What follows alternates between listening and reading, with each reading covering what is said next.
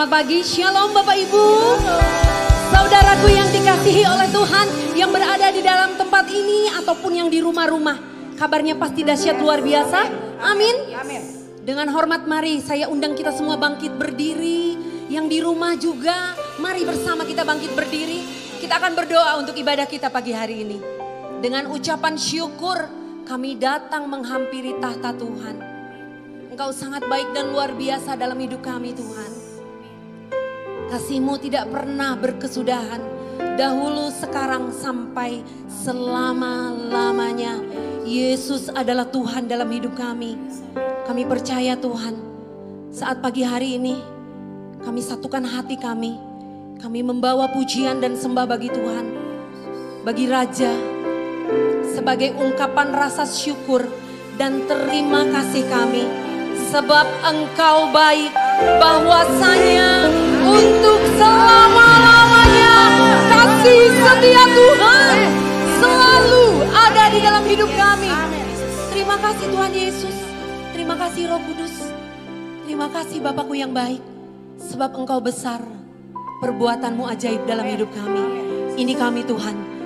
Kami ingin menyembah Tuhan lebih dalam. Kami satukan hati kami menyembah Raja di atas segala Raja. Yang siap menyembah bersama katakan tepuk tangan yang terbaik bagi Tuhan. Woohoo.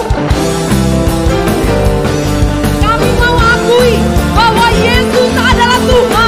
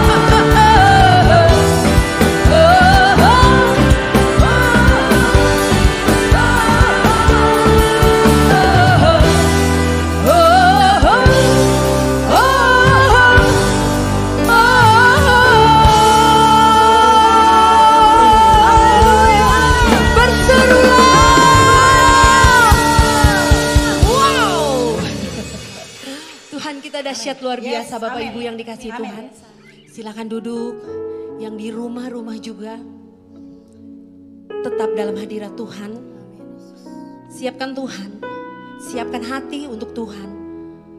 Sebab hanya Yesus satu-satunya penolong dalam hidup kita. Kuasanya berlaku untukmu, untukku.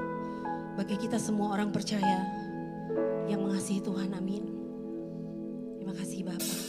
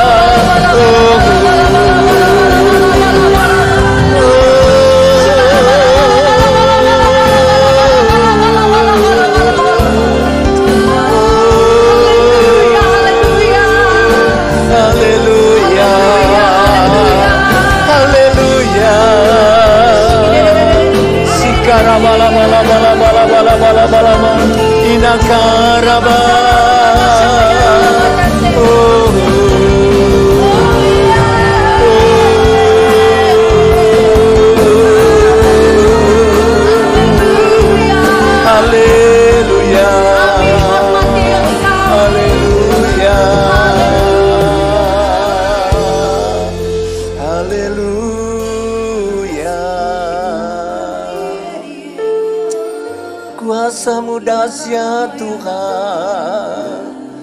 Kuasamu besar Tuhan. Haleluya. Kami alami dalam hidup kami Tuhan. Haleluya. Kami alami sepanjang hidup kami Tuhan. Haleluya Haleluya Haleluya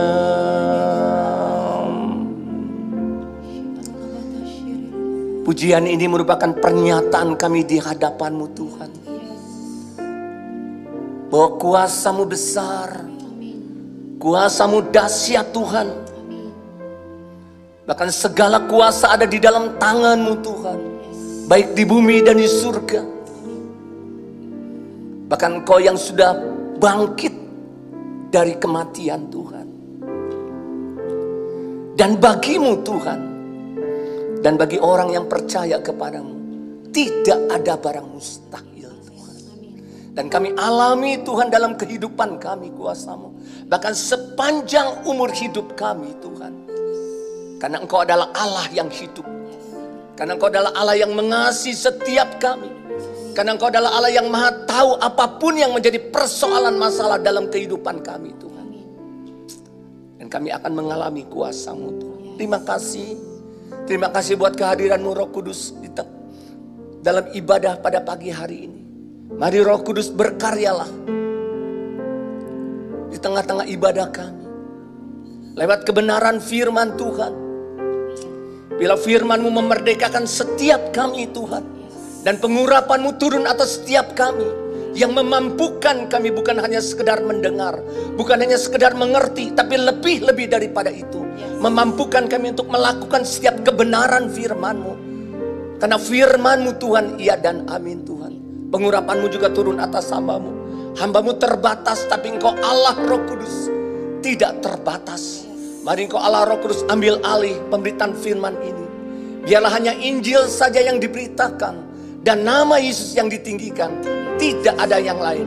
Kami serahkan pemberitaan firman sepenuhnya ke dalam tangan Bapa. Di dalam nama Yesus kami berdoa dan mengucap syukur kepadamu. Yang percaya sama-sama kita katakan amin. Kita beri tepuk tangan bagi Yesus lebih lagi bagi dia. Haleluya. Haleluya. Haleluya. Silakan duduk saudara. Shalom semua. Jemaat baik yang ada di ibadah onsite maupun yang ada di rumah di online. Ya, kita terterus saudara hidup kita harus bergairah. Ya karena kita punya Allah yang hidup, punya Allah yang berkuasa, punya Allah yang sanggup melakukan apa pun juga dalam kehidupan saya dan saudara. Ya, bahkan kita percaya bahwa kita akan mengalami kuasa Tuhan sepanjang umur hidup kita, selama-lamanya. Karena dia adalah Allah yang hidup.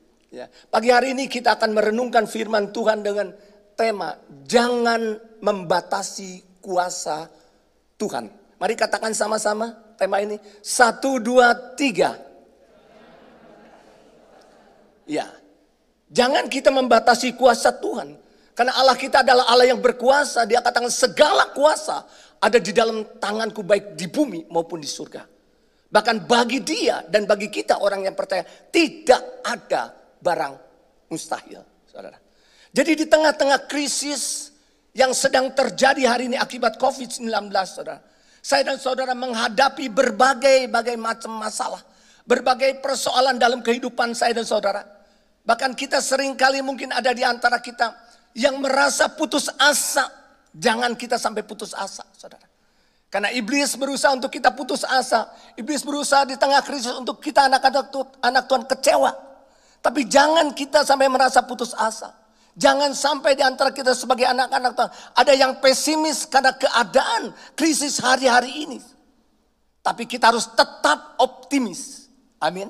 Kenapa kita harus tetap optimis saya dan saudara? Sebab bagi Tuhan tidak ada barang mustahil. Amin saudara. Amin. Ya, kenapa saudara? Kita yang sering kali saudara, ya, sering kali kita kenapa tidak mengalami pertolongan Tuhan di dalam kehidupan saya dan saudara? Kenapa? Seringkali kita tidak mengalami pertolongan Tuhan dalam kehidupan saya dan saudara. Karena kita sering kali tidak sadar saya dan saudara. Saya dan saudara tidak sadar kita membatasi kuasa Tuhan bekerja dalam kehidupan kita. Mungkin kita ada yang berkata, nggak pernah pak, saya membatasi kuasa Tuhan. Padahal tidak sadar saudara kita sering kali membatasi kuasa Tuhan. Bekerja dalam hidup saya dan saudara. Dengan cara apa? Dengan cara Tuhan kalau mau menolong kita harus seperti yang kita mau. Tuhan kalau mau menolong kita harus seperti yang kita pikirkan. Itu berarti kita membatasi kuasa Tuhan bekerja dalam kehidupan saya dan saudara. Tuhan bertindak sering kali bertindak Tuhan dengan cara yang berbeda. Amin saudara. Dengan jalan saudara. Dengan jalan bukan dengan jalan pikiran kita. Seringkali kita pengen dengan jalan pikiran kita. Tapi Tuhan sering kali bertindak dengan cara yang berbeda. Saudara. Dengan jalan pikiran kita berbeda saudara. Oleh sebab itu saudara kita lihat Paulus mengatakan demikian. Kalau kita tahu Paulus banyak mengalami masalah persoalan di dalam saudara, di dalam hidupnya, di dalam penginjilannya. Tapi dia katakan dalam Roma 11 ayat 33 Paulus mengatakan demikian. Oh, alangkah dalamnya kekayaan, hikmat dan pengetahuan Allah. Sungguh tidak terselidiki keputusan-keputusannya dan sungguh tidak terselami jalan-jalannya. Amin saudara. Berarti Paulus saudara mengakui bahwa cara Tuhan menolong kita, menolong hidupnya Paulus ini sering kali tidak terselami olehnya. Seringkali tidak terselami oleh akal budinya, terbatas, pikirannya terbatas untuk menangkap cara kerja Tuhan di dalam hidup Paulus. Banyak Paulus mengalami ini. Oleh sebab Paulus mengatakan, oh alangkah dalamnya kekayaan hikmat pengetahuan Allah.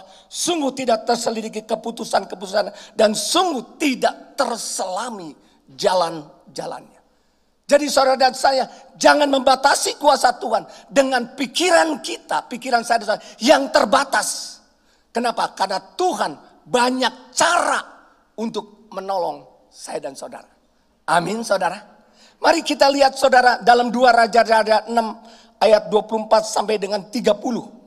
Saudara. Ini tentang krisis yang terbesar kalau menurut saya di dunia. Kisah tentang bencana kelaparan yang terdahsyat di Samaria. Saudara. Ayat 24 mengatakan demikian. Sesudah itu Ben Hadad Raja Aram menghimpun seluruh tentaranya lalu maju mengepung Samaria. Maka terjadilah kelaparan hebat di Samaria selama mereka mengepungnya sehingga sebuah kepala keledai berharga 80 sikal perak. Kepala keledai. Dan seperempat kap tai merpati berharga 5 sikal perak. Betapa mahal. Tai merpati 5 sikal. Kepala keledai 80 sikal. Satu kali ketika Raja Israel berjalan di atas tembok. Datanglah seorang perempuan mengadukan halnya kepada raja sambil berseru. Tolonglah ya tuanku raja. Jawabnya, jika Tuhan tidak menolong, Tuhan tidak menolong engkau. kata raja. Dengan apakah aku dapat menolong engkau? Dengan hasil pengirikankah atau hasil pemerasan anggur? Kemudian bertanyalah raja kepadanya, ada apa? Jawab perempuan itu, perempuan ini berkata kepadaku, berilah anakmu laki-laki. Kita makan dia pada hari ini. Saudara. Ya. Dan besok akan kita makan anakku laki-laki. Jadi kami memasak anakku dan memakan dia. Tetapi ketika aku berkata kepadanya pada hari berikutnya, berilah anakmu supaya kita makan dia. Maka perempuan ini menyembunyikan anaknya. Tak kala raja mendengar perkataan perempuan itu, dikoyakannya pakaiannya dan sedang ia berjalan di atas tembok, kelihatannya kepada orang banyak bahwa ia memakai kain kabung pada kulit tubuhnya.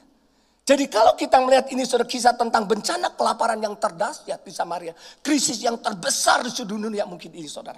Ya, kenapa? Kalau kita tahu ini peristiwa ini terjadi pada zaman pemerintahan seorang raja Israel yang bernama Yoram. Kalau saudara nanti lihat.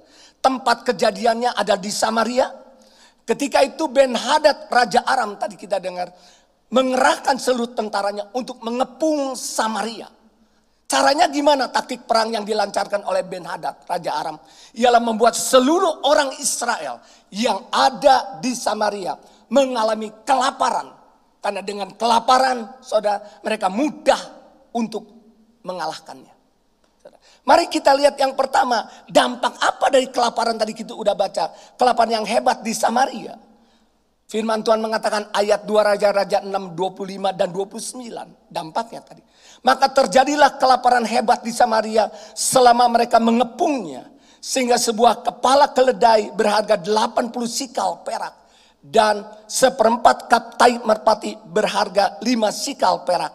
Jadi kami memasak anakku dan memakannya, memakan dia. Tetapi ketika aku berkata kepadanya pada hari berikutnya, berilah anakmu supaya kita makan dia. Maka perempuan ini menyembunyikan anaknya. Jadi ini suatu bencana kelaparan yang terdasar di dunia. Dan kita tahu kita baca dampaknya apa? Harga kotoran hewan pun menjadi mahal. Tadi kita udah baca. Menjadi mahal. Kalau harga kotoran hewan menjadi mahal saudara. Berapa harga makanan pokok di Samaria? Coba saudara bayangkan. Harga kotoran hewan aja sampai berapa? Seperempat cup? Lima sikal. Apalagi ini saudara. Bagaimana harga makanan pokok di Samaria? Wah itu saudara hebat dan tidak ada barangnya saudara. Bahkan bukan itu saja. Tadi ayat 29 mengatakan bahkan terjadi hal yang menyedihkan dan mengerikan. Saudara, seorang ibu dengan tega menyembelih anaknya.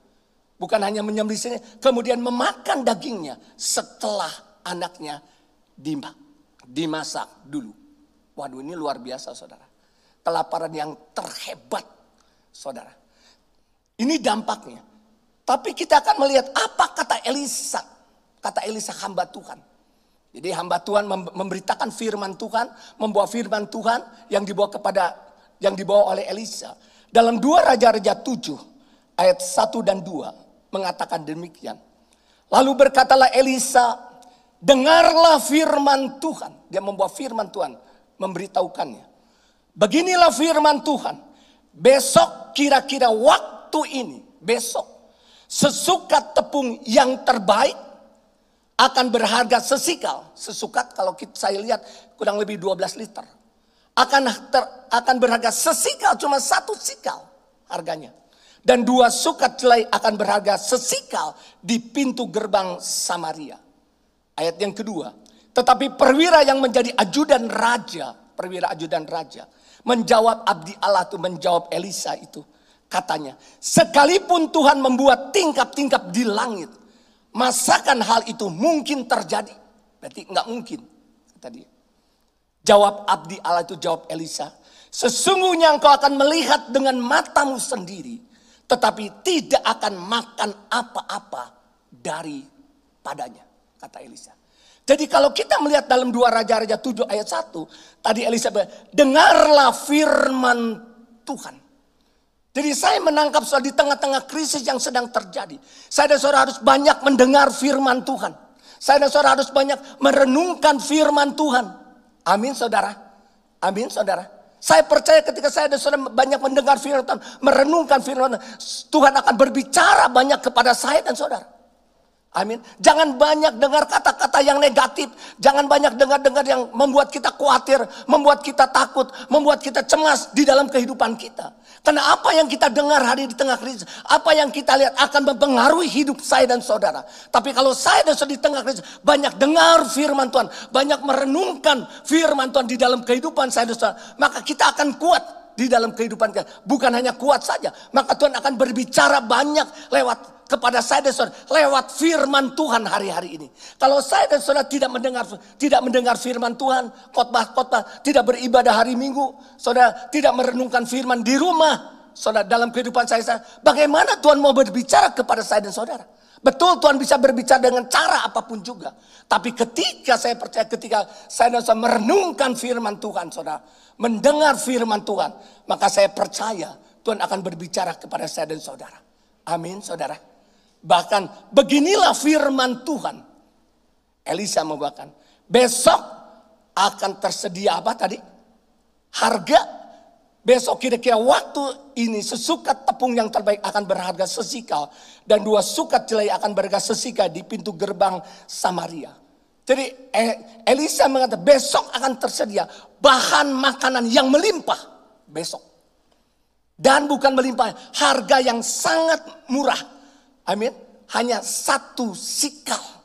Padahal hari ini masih melihat kelaparan yang dahsyat. Tadi dampaknya saudara.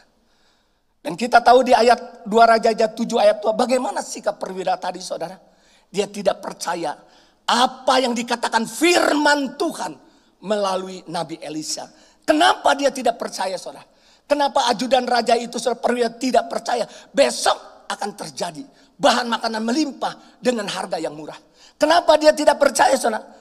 Kenapa? Karena dia tahu ya dia melihat kelaparan sedang terjadi hari ini. Luar biasa saudara. Krisis sedang terjadi hari-hari ini saudara, di Samaria. Mana mungkin besok. Nggak mungkin kalau misalkan dua tahun lagi, tiga tahun lagi. Bisa aja itu terjadi. Tapi besok mana mungkin hari ini terjadi kelaparan yang luar biasa saudara. Kalau kita lihat tadi firman Tuhan. Besok Apalagi saudara, kalau kita secara akal pikiran, nggak mungkin saudara. Apa yang dikatakan Elisa itu tidak mungkin saudara. Bahan makanan banyak murah dan dengan harga yang murah. Kenapa? Karena kita sering kali ya saudara, ajudan raja lihat realita, lihat kenyataan hari ini. Ini yang aku alami hari ini. Besok belum tentu.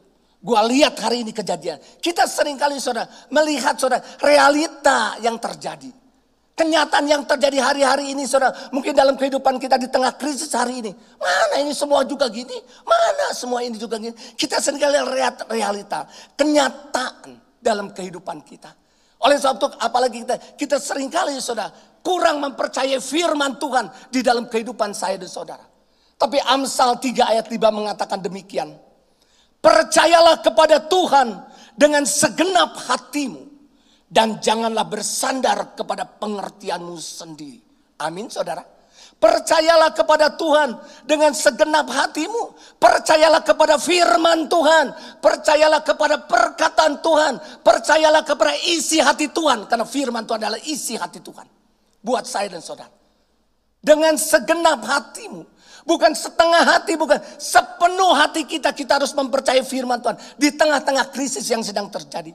Jangan lah bersandar kepada pengertianmu sendiri. Jangan bersandar kepada pikiranmu, akal budimu. Kita itu terbatas. Jangan bersandar kita lihat karena keadaan realita yang sedang terjadi. Kenyataan yang sedang terjadi. Kalau kita bersandar pada itu saudara. Berarti kita sedang membatasi kuasa Tuhan. Bekerja dalam kehidupan saya dan saudara. Tapi kita akan melihat saudara. Tuhan melakukan perkara yang besar. Dua Raja-Raja 7 ayat 3 sampai 7 berbunyi demikian. Empat orang yang sakit kusta ada di depan pintu gerbang. Ada empat orang sakit kusta. Kalau zaman dulu sakit kusta saudara pasti dikalungin kakinya biar kleneng-kleneng ketahuan. Oh ada orang sakit kusta jadi rada menghindar. Kalau zaman dulu saudara. Berkatalah yang seorang kepada yang lain. Mengapakah kita duduk-duduk di sini sampai mati? Dia berkata nih empat orang ini saudara. Jika kita Jika kita berkata, baiklah kita masuk ke kota. Padahal dalam kota ada kelaparan, sedang terjadi kelaparan. Kita akan mati di sana. Dan jika kita tinggal di sini, kita akan mati juga. Jadi sekarang, marilah kita menyeberang ke perkemahan tentara Aram. Saudara yang mengepung, itu saudara, Samaria itu. Jika mereka membiarkan kita hidup, kita akan hidup. Jika mereka mematikan kita, kita akan mati. Lalu pada waktu senja, bangkitlah mereka masuk ke tempat perkemahan orang Aram. Tetapi ketika mereka sampai ke pinggir tempat perkemahan orang Aram itu, tampaklah tidak ada orang di sana. Sebab Tuhan telah membuat tentara Aram itu mendengar bunyi kereta, bunyi kuda, bunyi tentara yang besar. Sehingga berkatalah seorang kepada yang lain, sesungguhnya Raja Israel itu telah mengupah raja-raja orang Het dan raja-raja orang Misraim melawan kita supaya mereka menyerang kita. Karena itu bangkitlah mereka melarikan diri pada waktu senja dengan meninggalkan kemah dan kuda keledai mereka serta tempat perkemahan itu dengan begitu saja mereka melarikan diri dan menyelamatkan nyawanya. Jadi kalau kita melihat Tuhan telah membuat ketakutan yang besar di pihak tentara Aram, saudara. Amin, saudara. Sehingga mereka meninggalkan perkemahan bersama seluruh harta bendanya, saudara. Bersama dengan seluruh perbekalannya. Dengan cara yang tidak dimengerti oleh akal manusia. Tuhan sanggup melakukan apa pun. Amin saudara. Nah, dan firman Tuhan itu adalah iya dan amin. Kalau Tuhan mengatakan besok, lihat, akan terjadi bahan makanan dan murah. Itu firman Tuhan. Kita harus mempercayai saudara. Amin saudara. Kalau kisah dan saudara mempercayainya saudara, kita akan melihat Kuasa Tuhan bekerja dalam hidup kita saudara. Jangan kita membatasi kuasa Tuhan. Bagaimana nasib daripada perwira Raja Israel tadi. Dua Raja dia 7 ayat 19 sampai dengan 20 berbunyi demikian. Pada waktu itu si perwira menjawab abdi Allah.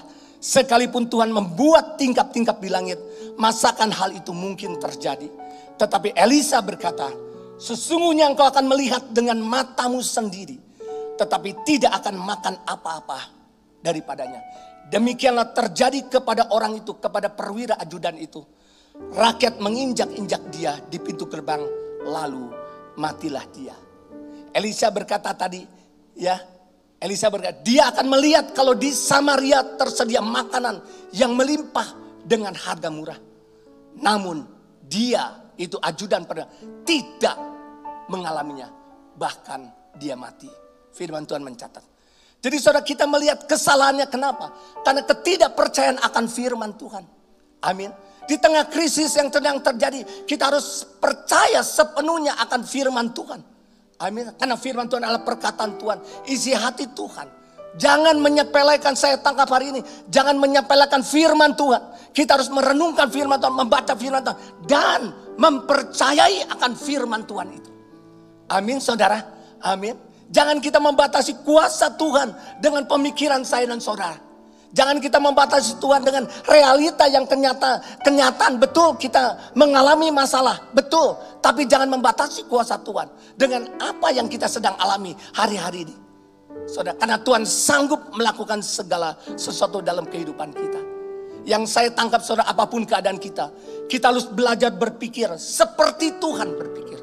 Kita harus belajar berkata seperti Tuhan Katakan apa? Kita harus berkata, berpikir, bahkan kita harus percaya firman Tuhan.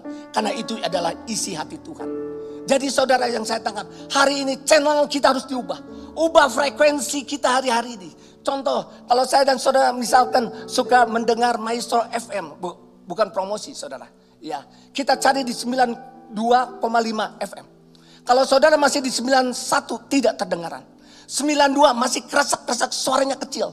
Tapi ketika pas di 92,5 FM, maka apa yang terjadi? Maestro FM jelas saudaranya. Ubah frekuensi kita dalam kehidupan saya dan saudara hari ini. Amin saudara. Pikiran Tuhan biar ada di pikiran kita. Amin saudara. Perkataan Tuhan, apa yang dikatakan Tuhan, ada kita katakan dalam perkataan lewat perkataan kita. Amin saudara. Ya, isi hati Tuhan yaitu firman Tuhan itu kita harus percaya kepada firman Tuhan di tengah-tengah krisis hari-hari ini. Sehingga kita bisa mengalami kuasa Tuhan terjadi di tengah-tengah krisis yang sedang terjadi. Kalau saudara lihat saudara tentang Abraham. firman Tuhan mengatakan Tuhan akan memberkati Abraham. Banyak keturunannya akan seperti bintang di langit, saudara. Dan seperti apa? Pasir di laut. Tapi Abraham pernah berkata dalam kejadian 15 ayat 2 mengatakan. Abraham menjawab, ya Tuhan Allah, apakah yang engkau akan berikan kepadaku? Karena aku akan meninggal dengan tidak mempunyai anak. Dan yang akan mewarisi rumahku ialah Eliezer orang Damsik. Dengan kata lain, percuma Tuhan. Padahal Tuhan sudah berjanji. Percuma Tuhan, aku sudah tua. Percuma Tuhan, aku akan mati. Percuma Tuhan, aku tidak punya anak. Abraham berpikir, saudara, berpikir dia akan mati, tidak punya anak pernah. Abraham berpikir, berkata, ber, bukan hanya berpikir, berkata, percuma dia akan mati dan tidak punya anak. Abraham percaya dia akan mati dan tidak punya anak. Negatif terus. Oleh sebab Tuhan bawa dia di kemah, keluar dari kemah. Lihat bintang-bintang di langit. Begitu banyak demikianlah keturunanmu itu. Kalau saudara, saudara kita lihat Abraham berpikir berkata, percaya dia akan mati dan tidak punya anak. Itu bukan rencana Tuhan. Itu bukan keinginan Tuhan. Apa rencana Tuhan bagi Abraham saudara? Dia diberkati dan akan menjadi berkat. Apa rencana Tuhan? Keturunannya seperti bintang di langit dan pasir di laut. Tapi Abraham kenapa bisa demikian? Karena dia lihat melihat kenyataan, realita waktu hidupnya. Sudah lama menunggu anak yang Tuhan janjikan. Dia lihat Sarah mungkin nges, udah umur 90 tahun. Mati head, aduh udah tua. Dia lihat dirinya, aku sudah tua, aku sudah loyo. Kenapa? Dia lihat realita kenyataannya. Kita jangan hidup Saudara hidup melihat kenyataan. Betul, kita melihat kenyataan. Tapi kita harus mempercayai firman Tuhan. Lebih daripada kenyataan yang kita alami hari ini. Amin. Kita tidak akan kalau kita saudara hidup dalam realita kenyataan hari-hari ini saudara. Maka kita tidak akan mengalami kuasa Tuhan dalam hidup saya saudara. Maka kita tidak akan mengalami terobosan demi terobosan yang terjadi di tengah-tengah krisis ini saudara. Karena kita sering kali melihat kenyataan, melihat realita yang kita alami hari-hari ini. Tapi saudara harus mempercayai firman Tuhan. Karena bagi Tuhan tidak ada barang mustahil. Amin saudara. Mari kita berpikir seperti yang Tuhan pikir. Mari kita berkata seperti yang Tuhan katakan apa tentang saya dan saudara. Mari kita saya dan saudara percaya dengan firman Tuhan. Karena itu adalah isi hatinya Tuhan. Saya tutup dengan firman Tuhan ini sudah lama kita dengar. Saya baru juga saudara mendapatkan rema buat saya sendiri. Yeremia 29 ayat 11 mengatakan demikian. Sebab aku ini mengetahui rancangan-rancangan apa yang ada padaku. Mengenai kamu, mengenai saya dan saudara. Demikianlah firman Tuhan. Yaitu rancangan damai sejahtera. Dan bukan rancangan kecelakaan. Untuk memberikan kepadamu hari depan yang penuh harapan. Ini saudara, rencana Tuhan bagi saya dan saudara. Rancangan Tuhan, aku mengetahui rancangan apa yang ada padaku mengenai kamu. Tuhan punya rencana dalam hidup saya dan saudara. Amin. Bukan rancangan kecelakaan tapi rancangan damai sejahtera. Untuk memberikan hari depan yang penuh harapan. Per, ini adalah rencana Tuhan. Ini adalah perkataan daripada Tuhan. Ini adalah isi hati Tuhan buat saya dan saudara. Masa depan kita penuh dengan harapan. Oleh sebab kita mulai berpikir saya dan saudara. Kita mulai berpikir, kita mulai berkata, kita mulai mulai mempercayai maka kita akan mengalami firman setiap firman Tuhan dalam kehidupan saya dan saudara. Hati-hati iblis membawa kita untuk realita kenyataan. Tuh kamu lagi nih. Tuh kamu kecewakan. Tuh kamu putus asa. Lihat keadaan kamu. Tapi kalau kita berbalik kepada firman Tuhan terlebih lagi. Yeremia 29 ayat 11. Ini adalah rencana Tuhan buat saya dan saudara. Ini adalah perkataan Tuhan. Ini adalah hatinya Tuhan. Masa depan kita penuh harapan oleh sebab kita harus berpikir masa depan kita penuh harapan.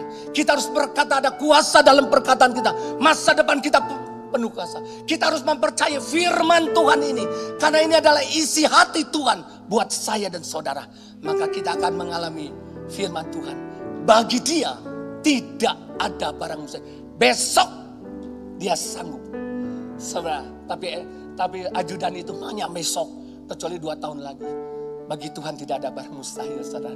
Jangan membatasi kuasa Tuhan dengan pikiran kita, dengan akal budi kita. Amin, saudara.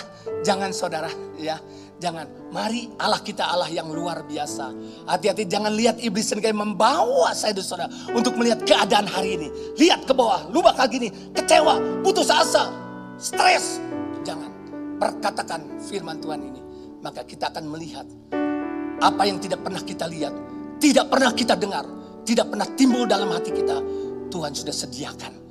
Memang kita terbatas, tapi kita punya Allah yang tidak terbatas, yang sanggup melakukan apa pun dalam kehidupan saya dan saudara. Amin saudara, jangan mau ditipu oleh iblis saudara. Amin supaya kita lihat kenyataan, tapi kita lihat firman Tuhan dalam kehidupan saya dan saudara. Tuhan memberkati saya dan saudara. Mari kita naikkan pujian Tuhan ini saudara.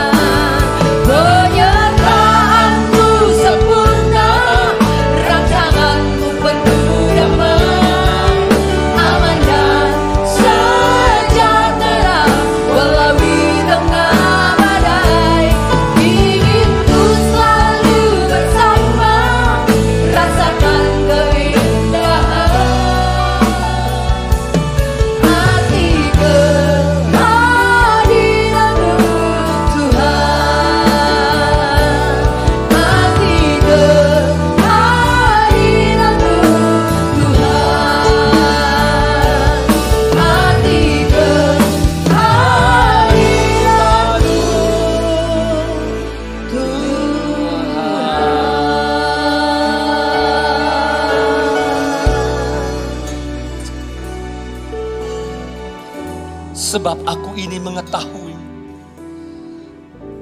rancangan-rancangan apa yang ada padaku mengenai kamu. Demikianlah firman Tuhan. Yaitu rancangan damai sejahtera dan bukan rancangan kecelakaan. Untuk memberikan kepadamu hari depan yang penuh harapan. Ini rencana Tuhan bagi saya dan saudara perkataan Tuhan, isi hatinya Tuhan, masa depan kita penuh harapan. Mulai frekuensi kita disamakan saudara dengan Tuhan. Berpikir berkata, mempercayai firman Tuhan. Terus pikirkan, terus katakan, terus mempercayainya. Maka kita akan mengalami kebenaran firman Tuhan. Karena dia adalah Allah yang tidak terbatas. Kita akan masuk dalam perjamuan kudus saudara.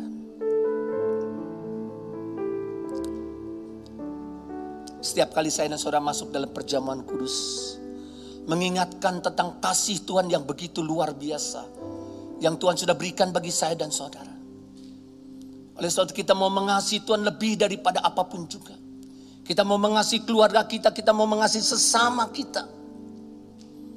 Dan biarlah di mana pun saya dan saudara berada, saya dan saudara menjadi dampak dan berkat di dalam kehidupan saya dan saudara. Mari kita bangkit berdiri saudara.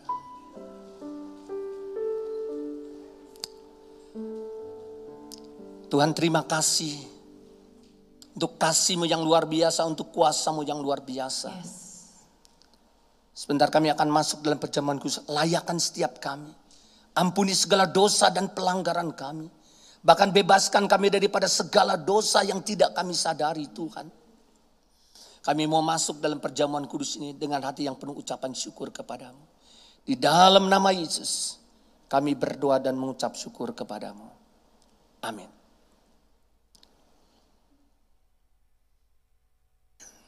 Sebab apa yang telah kuteruskan kepadamu, telah kuterima dari Tuhan. Yaitu bahwa Tuhan Yesus pada malam waktu ia diserahkan mengambil roti. Kita angkat roti kita di tangan kanan kita. Dan sesudah itu ia mengucap syukur atasnya. Ia memecah-mecahkannya dan berkata, Inilah tubuhku yang diserahkan bagi kamu. Perbuatlah ini menjadi peringatan akan aku. Kekasih-kekasih Tuhan, Bukankah roti ini adalah persekutuan dengan tubuh Kristus? Mari kita makan dalam nama Yesus.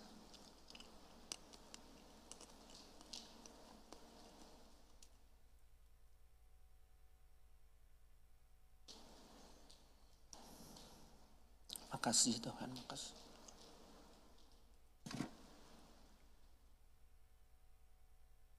Mari kita angkat cawan kita. Demikian juga ia mengambil cawan sesudah makan lalu berkata, Cawan ini adalah perjanjian baru yang dimeteraikan oleh darahku. Perbuatlah ini setiap kali kamu meminumnya menjadi peringatan akan aku. Kekasih-kekasih Tuhan, bukankah cawan pengucapan syukur yang atasnya kita bersyukur adalah persekutuan dengan darah Kristus? Mari kita minum dalam nama Yesus. Ucapkan terima kasih kepada Tuhan Yesus. Katakan terima kasih Tuhan. Terima kasih.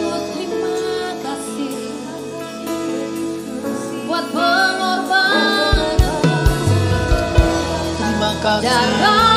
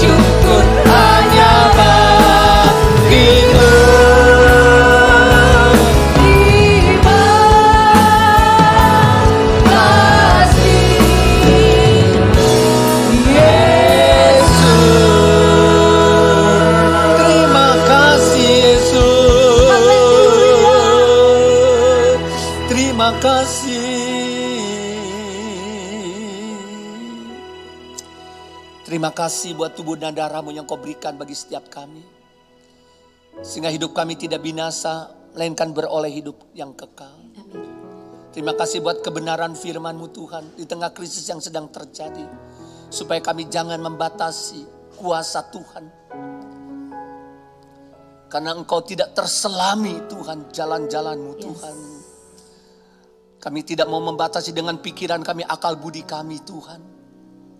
Engkau adalah Allah yang berkuasa Tuhan. Kami mempercayai akan firman-Mu, ya dan amin. Kami mempercayai akan rancangan-Mu dalam hidup kami. Rencanamu, ya dan amin Tuhan. Terima kasih Tuhan. Kami mau terus perkatakan. Dan kami akan mengalami kebenaran firman Tuhan di dalam kehidupan kami. Tuhan kami mau menyerahkan seluruh jemaatmu, seluruh pengerjamu.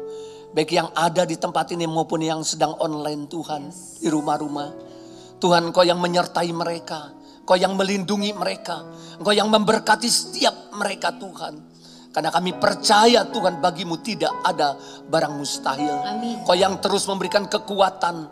Bahkan damai sejahtera itu ada di dalam kehidupan setiap kami Tuhan. Kami mau menyerahkan sepenuhnya ke dalam tangan Tuhan. Kami berdoa untuk seluruh jemaat maupun pengajar yang sudah memberikan persembahan maupun persembahan perpuluhan. Tuhan memberkati berlipat-lipat kali ganda Tuhan. Kami mau menyerahkan seluruh jemaat dan pengejar ke dalam tangan Tuhan. Baik kami juga berdoa untuk seluruh pemimpin gereja dari tingkat atas sampai tingkat bawah. Engkau menyertai, engkau melindungi Tuhan. Tuhan engkau terus yang menuntun setiap kami seluruh hamba-hambamu Tuhan. Untuk apa yang harus kami lakukan di dalam pelayanan kami. Kami mau serahkan gereja ini sepenuhnya ke dalam tangan Tuhan. Terima kasih Tuhan. Kami juga tidak lupa terus berdoa bagi bangsa dan negara kami ini Tuhan. Terima kasih Tuhan. Kalau kami percaya bangsa dan negara kami ada dalam hatimu, dalam pikiranmu, dalam rencanamu Tuhan. Kami percaya engkau punya rencana yang besar atas bangsa dan negara kami. Kami memperkatakan bahwa bangsa kami akan dipulihkan. Bangsa kami akan menjadi terang bagi bangsa-bangsa yang lain. Bangsa dan negara kami akan menjadi berkat bagi bangsa-bangsa yang lain. Berkati hasil negeri kami berlipat-lipat kali ganda Tuhan. Berkati Bapak Presiden Jokowi dengan keluarga besarnya. Tutup bungkus dengan kuasa darah Yesus. Hikmat yang daripada Tuhan turun atasnya. Karena dia diperhadapkan dengan setiap keputusan demi keputusan. Biarlah setiap keputusan itu berasal daripadamu Tuhan. Kami berdoa untuk Wakil Presiden Pak Maruf Amin dengan keluarganya juga. Engkau yang menyertai Bapak Wakil Presiden ini Tuhan. Kau yang memberikan kesehatan, kekuatan yang daripada Tuhan. Kami berdoa untuk seluruh para menteri Tuhan. Biarlah mereka juga boleh bekerja untuk mendukung, bekerja dengan maksimal mendukung Bapak Presiden Jokowi. Kami berdoa untuk TNI dan Polri juga Tuhan. Kami mau menyerahkan ke dalam tangan Tuhan yang menjagai bangsa dan negara kami. Biarlah mereka bersatu, berikan kesehatan, kekuatan yang daripada Tuhan. Dan hikmat yang daripada Tuhan turun atasnya Tuhan. Terima kasih. Kami berdoa khususnya untuk pemerintah pusat maupun daerah yang hari ini sedang menyalurkan vaksin, penyaluran vaksin Tuhan. Supaya diberikan hikmat oleh Tuhan untuk menyalurkan vaksin dengan baik. Dan untuk mengendalikan situasi COVID-19 ini kami mau menyerahkan sepenuhnya ke dalam tanganmu Bapa. Terima kasih Tuhan, terima kasih. Kami mau menyerahkan seluruh doa kami ini sepenuhnya hanya ke dalam tangan Tuhan. Sebentar kami akan meninggalkan tempat ini Tuhan kami akan mengangkat kedua tangan kami untuk menerima berkat yang daripada Tuhan. Mari kekasih-kekasih Tuhan terima berkat Tuhan dengan iman kita. Tuhan memberkati engkau dan melindungi engkau. Tuhan menyinari engkau dengan wajahnya dan memberi engkau kasih karunia. Tuhan menghadapkan wajahnya kepadamu dan memberi engkau damai sejahtera. Pulanglah dengan berkat yang berlimpah-limpah dari Allah Bapa, cinta kasih daripada Tuhan Yesus Kristus, dan dengan persekutuan Roh Kudus menyertai kita sekalian sejak pagi hari ini sampai kedatangan Tuhan Yesus yang kedua kali, bahkan sampai selama-lamanya. Yang sudah menerimanya, sama-sama kita katakan, Amin. Selamat pagi saudara-saudara semua, baik yang ada di tempat ini maupun yang ada di rumah. Tuhan memberkati